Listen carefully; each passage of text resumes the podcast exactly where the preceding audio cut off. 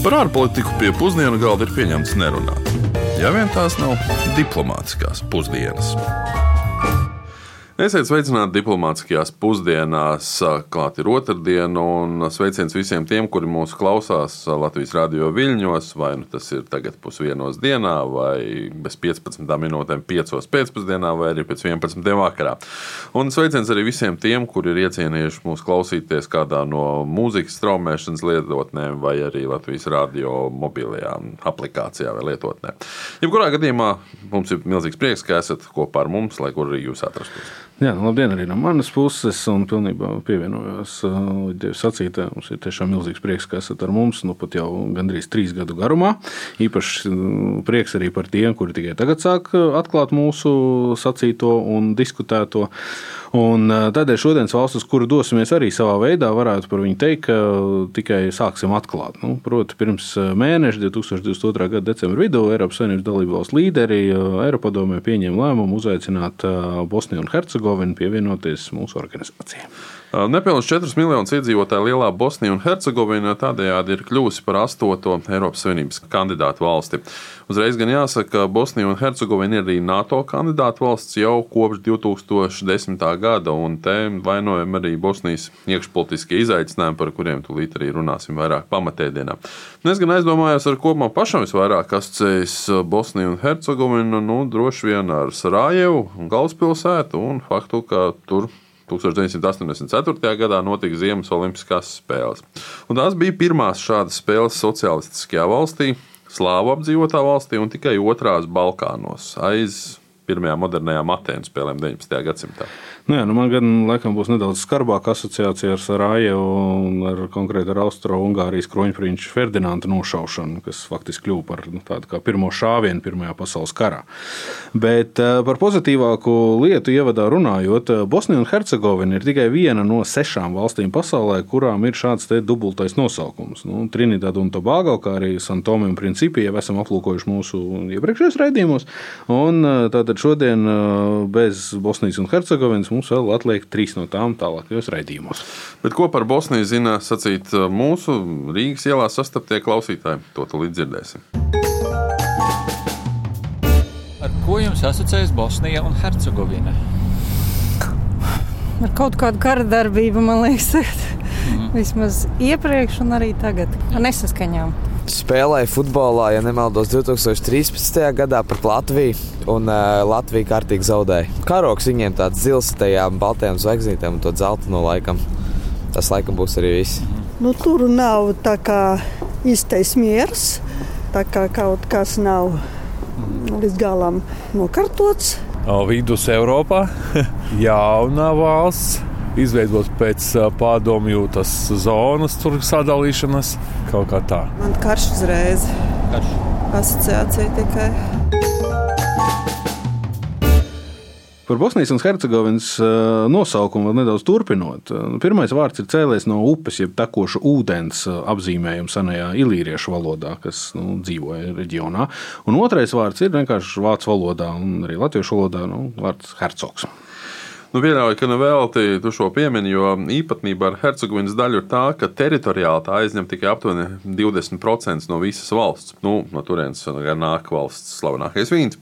Un nav jau arī nekādu skaidru kultūras vai etnisko robežu, kas tās nodalītu. Bet nu, tur, kur robežas ir izteiktākas, ir tas, ka valsts sastāv no diviem apgabaliem - no Bosnijas un Hercegovinas federācijas un no Serbu republikas. Un Vēl, protams, ir arī starptautiski pāraudzītais Bratsko apgabals. Jā, nu, un šis teritoriālais dalījums arī sasaucas ar etnisko dalījumu valstī, kas izsenis ir bijusi nu, visnotaļ izteikta problēma. Nu, respektīvi, puse valsts iedzīvotāji ir bosnieši, kur valoda ir bosniešu un reliģiskā piedarība ir musulmaņi. Tad vēl 30% valsts iedzīvotāji ir etniskie serbi, kur runā serbu valodā un ir pareizticīgie. Un, visbeidzot, vēl 15% iedzīvotāji ir horvāti, kur runā horvātu valodā un ir Romas katoļu baznīcai piedaroši. Dienvidslāvijas sadalīšanās un valstu un tautu neatkarības centieni izraisīja vienu no šausmīgākajiem konfliktiem mūsdienu vēsturē. Nu, protams, runa ir par Bosnijas karu, kas ilga no 1992. līdz 1995. gadam. Un, um, tas ir iegājis vēsturē ne tikai ar uh, Bosnijas un Hercegovinas valstiskās neatkarības izveidošanu vēlāk, bet uh, arī ar tādiem vēlāk par kara noziegumiem, noziegumiem pret cilvēku un genocīdu notiesātajiem, kā Radovans Karadžičs, arī pulkveža ģenerālis Ratko Mladičs. Tas ir iegājis vēsturē ar sistemātiskām masveida sieviešu izvarošanām no serbu karavīru puses, un um, izvarošanas tika izmantots kā nu, kara vešanas līdzeklis. Un, uh, tiek rēķināts, ka šādi ir cietuši līdz pat 50 tūkstošiem bosniešu sieviešu. Serbu armijas eh, veiktās etniskās tīrīšanas un vairāk nekā 100 tūkstoši nogalināto ir Bosnijas kara sekas. Nu, lielākā daļa no tiem nogalinātiem ir bijuši bosnieši. Srebrenicas 1995. gada jūlijas laktiņš, eh, kurā tika mērķiecīgi nogalināti vairāk nekā 8000 bosniešu vīriešu un puiku, ir viens no zināmākajiem šo etnisko tīrīšanu piemēriem. Nu, izvest, drīkst izteikties, liekus cilvēkus laukā no serbu izfantazētās Lielserbijas teritorijas un panākt to, ka tie nespēja fiziski nodrošināt dabisko attaudzes, bija brutalitātes līmenis, ko serbu spēki izmantoja gan nogalinot, gan izvarojot, gan pārvietojot cilvēkus. Nu, etnisko tīrīšanu galvenie vaininieki, nu, te ir īpatnība, ka tiek rēķināts, ka piektā daļa bija nacionālistiski serbu fanātiķi un 80% bija no cietumiem savarvēti noziedznieki. Nu, savā veidā šis ļoti atgādina arī Wagner aktivitātes Ukraiņas kontekstā. Jā, nu, diemžēl jāsaka, ka karš ir karš. Un, um, protams, ka arī bosniešu un horvātu karojošās puses tika apsūdzētas un notiesātas par noziegumiem pret cilvēci. Bosnijas karš mūsdienu naudas vienībās rēķinot, valsts ekonomikai radīja gandrīz 330 miljārdu eiro lielus zaudējumus. Un ņemot vērā, ka pašreizējā Bosnijas un Hercegovinas visa ekonomika ir tikai aptuveni 22 miljardus eiro liela, nu tad varam saka, piemest uz pirkstiem un parēķināt, ka karš iznīcināja ekonomiku aptuveni 15 reizes. Jā, nu, kaut kur šī šaušalīgā pieredze droši vien jāņem vērā arī domājot par mūsdienu Ukrajinu un to, cik ļoti Krievija šobrīd mērķiecīgi iznīcina Ukraiņas ekonomikas nākotni un cik dārgi maksās tā visa atjaunošana. Bosnijas un Hercegovinas ekonomikas izaicinājumi savā veidā sniedz šo empirisko materiālu, lai varētu redzēt, kas notiek un arī notiks ar Ukrajinu. Bosnijas un Hercegovinas gadījumā, protams, gandrīz trīs desmitgadus šī cīņa ar kara sekām, vienlaicīgi arī ar cīņu par pārēju no sociālistiskās plānveida ekonomikas uz brīvā tirgus ekonomikas ir notikuši nu, vienlaicīgi. Ekonomika ir atkarīga no metāla un energoresursu, kā arī tekstilu izstrādājumu eksporta. Nu, tas, kas, protams, ir ļoti bieži novērots, tostarp arī Latvijas gadījumā, tas, ka būtisks ienākums ir arī ārvalstīs strādājošo bosniešu sūtītā nauda atpakaļ radiem. Nu, kā varat iedomāties, tad pēc kara šī politiskā pieeja ir bijusi sniegt lielākas brīvības reģioniem un arī decentralizēt valdību. Tas savukārt ir traucējis koordinēt dažādu ekonomisko reformu īstenošanu un arī īpaši neiedrošina ārvalstu investorus iesaistīties šīs valsts ekonomikā, jo nu, nav vienkārši stabilitātes. Nacionālā valūta marka ir piesaistīta eiro, tas veicina stabilitāti finanšu sistēmā, bet arī itāļu un austriešu bankas, kas dominē valsts tirgu, nejūtas pietiekami droši, lai aktīvāk izvērstu savu darbību. Jā, kā var iedomāties, rezultātā bezdarbs ir lielākā sociāla ekonomiskā problēma dabiski arī politiskā problēma. Cilvēkiem bez darba sēdošiem ir daudz brīvā laika un būtisks izmisuma līmenis, lai ar to atbalstītu arī populistus un radikāļus. Nu, bezdarba līmenis valstī tiek reiķināts pat ap 30%. Valsts IKP uz vienu iedzīvotāju pēc pirktspējas paritātes atkal ir puse no Latvijas rādītājiem. Bosnijas un Hercegovinas piemērs parāda, ka cilvēki, līdzīgi kā Latvija 90. gados, tiecas pēc cerības un arī stabilitātes. Nu, ne tikai politiskās, bet primāri jau ekonomiskās. Bet bez politiskās stabilitātes un arī paredzamības nav iespējama arī ekonomiskā stabilitāte. Pašlaik valstī trūks naudas un trūkst arī kārtības. Tādēļ arī iedzīvotāji lūkojas pēc ārvalstu palīdzības, ko visbiežāk ir iespējams sasniegt, integrējoties kādās starptautiskās organizācijās. Bet, kā mēs minējām, Bosnija un Hercegovina vēl nav pievienojusies ne NATO, ne Eiropas Savienībai. Un tāpat nav arī Pasaules tirzniecības organizācijas dalībvalsts. Jā, nu, skaidrs, ka Bosnija un Hercegovina redz dalību Eiropas Savienībā kā risinājumu daudzām tās problēmām. Nu, ne jau viņi ir faktiski pirmie. Nu, tā skatās uz arī piemēriem kaimiņos, tādas Rietumu Balkānu valsts kā Slovenija un nesenāk arī Horvātija, ko stāstījām, iestājas Eiropas Savienībā, un tas nes līdzi arī stabilitāti un izaugsmu. Nu, Bosnijas kaimiņu valstis, Albānija, Ziemeļmaķedonija, Melnkalna un Serbija jau bija kandidātu valstu statusā, starp citu, Bosnija bija palikusi teikt, pēdējā, nu, ja vien mēs neskaitām vēl Kosovu ko starptautiski arī nav atzinuši vēl visi.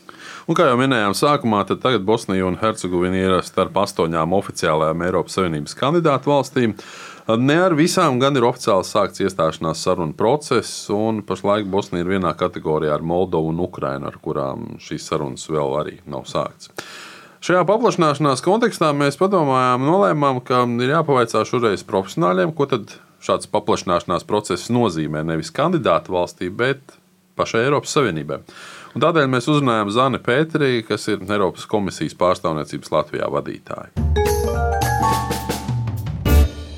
Mēs šobrīd eh, skaidri apzināmies, ka Eiropas Savienības paplašināšanās ir Eiropas nākotnes jautājums.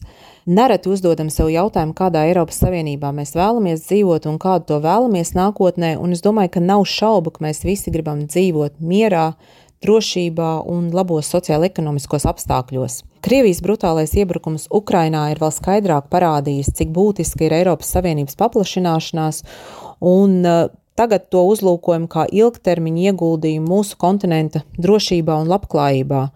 Un, eh, ja Krievija ir skaidri nodemonstrējusi, ka tās mērķos ir sēt nestabilitāti un veicināt konfliktus, tad Eiropas Savienība taisa skaitā ar šo paplašināšanās politiku vēlas panākt mieru un stabilitāti un sociālo-ekonomisko izaugsmi.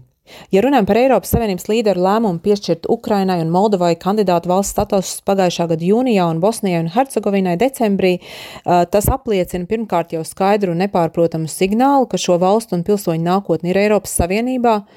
Otrakārt, kā Eiropas Savienības paplašināšanās ir visas Eiropas stabilitātes, drošības un labklājības pamats, un treškārt, ka mēs dzīvojam jaunā ģeopolitiskajā realitātē, kurā vairāk kā jebkad ir nepieciešams aizstāvēt mūsu kopīgās vērtības un likumos balstītu kārtību. Ja vērtējam šo Eiropas eh, procesu attīstību un virzību kopš otrā pasaules kara, tad Eiropas Savienības paplašināšanās ir viennozīmīgi veiksmes stāsts.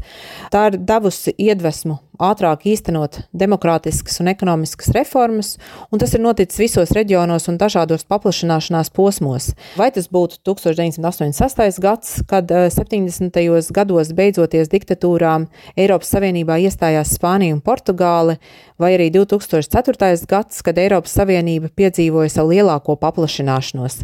Starp citu, jā, nākamgad jau atzīmēsim 20 gadus kopš Latvija ir Eiropas Savienības dalība valsts. Ja paraugamies uz šiem iepriekšējām Eiropas Savienības paplašināšanām, tad ir skaidrs, ka līdz ar jaunas valsts uzņemšanu ir virkne procesu un institūciju, kurā jaunā dalība valsts ņem dalību. Piemēram, tiek paredzēts noteikts Eiropas parlamenta deputātu skaits no konkrētās valsts. Valstī ir iespēja nominēt Eiropas komisijas komisāru, Eiropas tiesas pārstāvi, Eiropas auditoru tiesas pārstāvi un ir arī zināma kvota, lai attiecīgās valsts pilsoņi varētu tikt pieņemti darbā Eiropas Savienības institūcijās.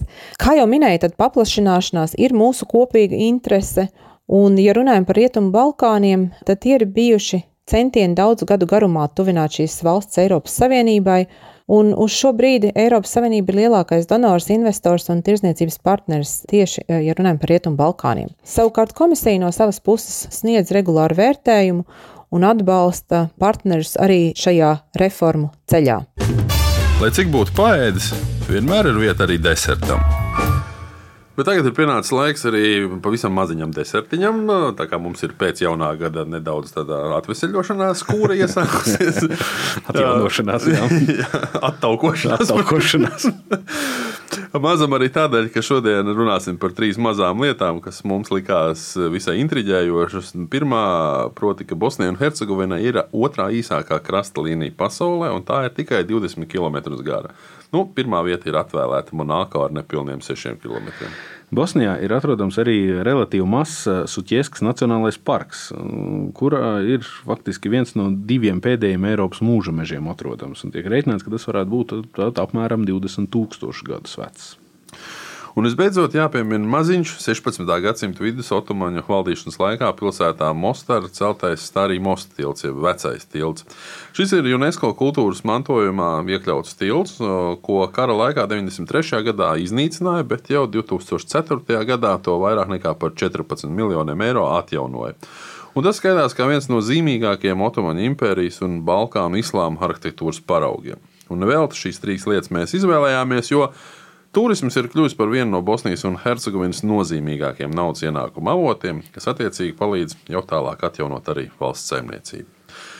Noslēgumā vien teikšu, ka kā vienmēr šo raidījumu veidojām mēs, Uģis Lībijams, Latvijas Rādio un dr. Kārls Bukovskis no Rīgas Stradiņu Universitātes un Latvijas ārpolitikas institūta. Vēl mums palīdzēja Rihards Plūme. Uz sadzirdēšanos jau pēc nedēļas. Es jums tikai vēl pieminēt, ka nākamreiz dosimies uz Sierra Leone, Āfrikā. Bet, nu, līdz tam, lai mierīga nedēļa. Diplomātiskās pusdienas katru otrdienu pusdienos Latvijas Radio 1.